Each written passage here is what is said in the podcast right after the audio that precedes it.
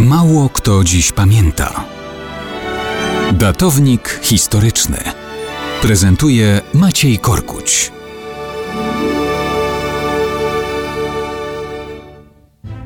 Dzisiaj łączą nas wszystkich wigilijne oczekiwania na narodziny w ubogiej stajence małego Jezusa, syna skromniutkiej Maryi.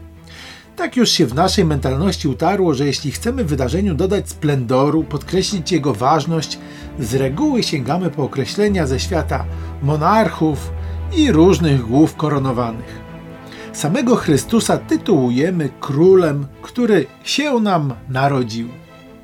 Maryję także nazywamy królową, a w kolendach wyrażamy smutek z powodu zupełnie niekrólewskiej atmosfery porodu wstające na sianie pośród pasterskich zwierzątek. Jednocześnie rzadko kiedy zastanawiamy się, jak naprawdę wyglądały królewskie porody na europejskich dworach.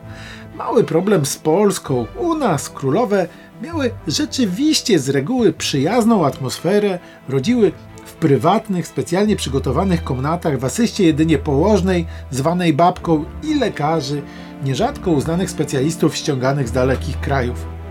Zdecydowanie inaczej było na innych dworach europejskich, gdzie poród był wydarzeniem publicznym i to w sensie dosłownym. Było normą na przykład w Hiszpanii, w Anglii czy we Francji, że w porodzie uczestniczyło całe grono urzędników państwowych, którzy byli gotowi poświadczać prawdziwość narodzin następcy tronu. Taki publiczny charakter miały na przykład porody żony króla Francji Ludwika XV Marii, zresztą naszej polskiej Marii Leszczyńskiej. Poród odbywał się wprost na oczach księżniczek, książąt, dam dworu, kardynałów, urzędników i ministrów.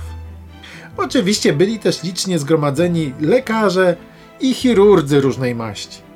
Gdybyśmy tak po ludzku na to popatrzyli, to może i lepiej, że Maryja rodziła małego Jezusa jako skromna niewiasta w ubogiej stajence, a nie jako królowa w urzędniczym tłumie.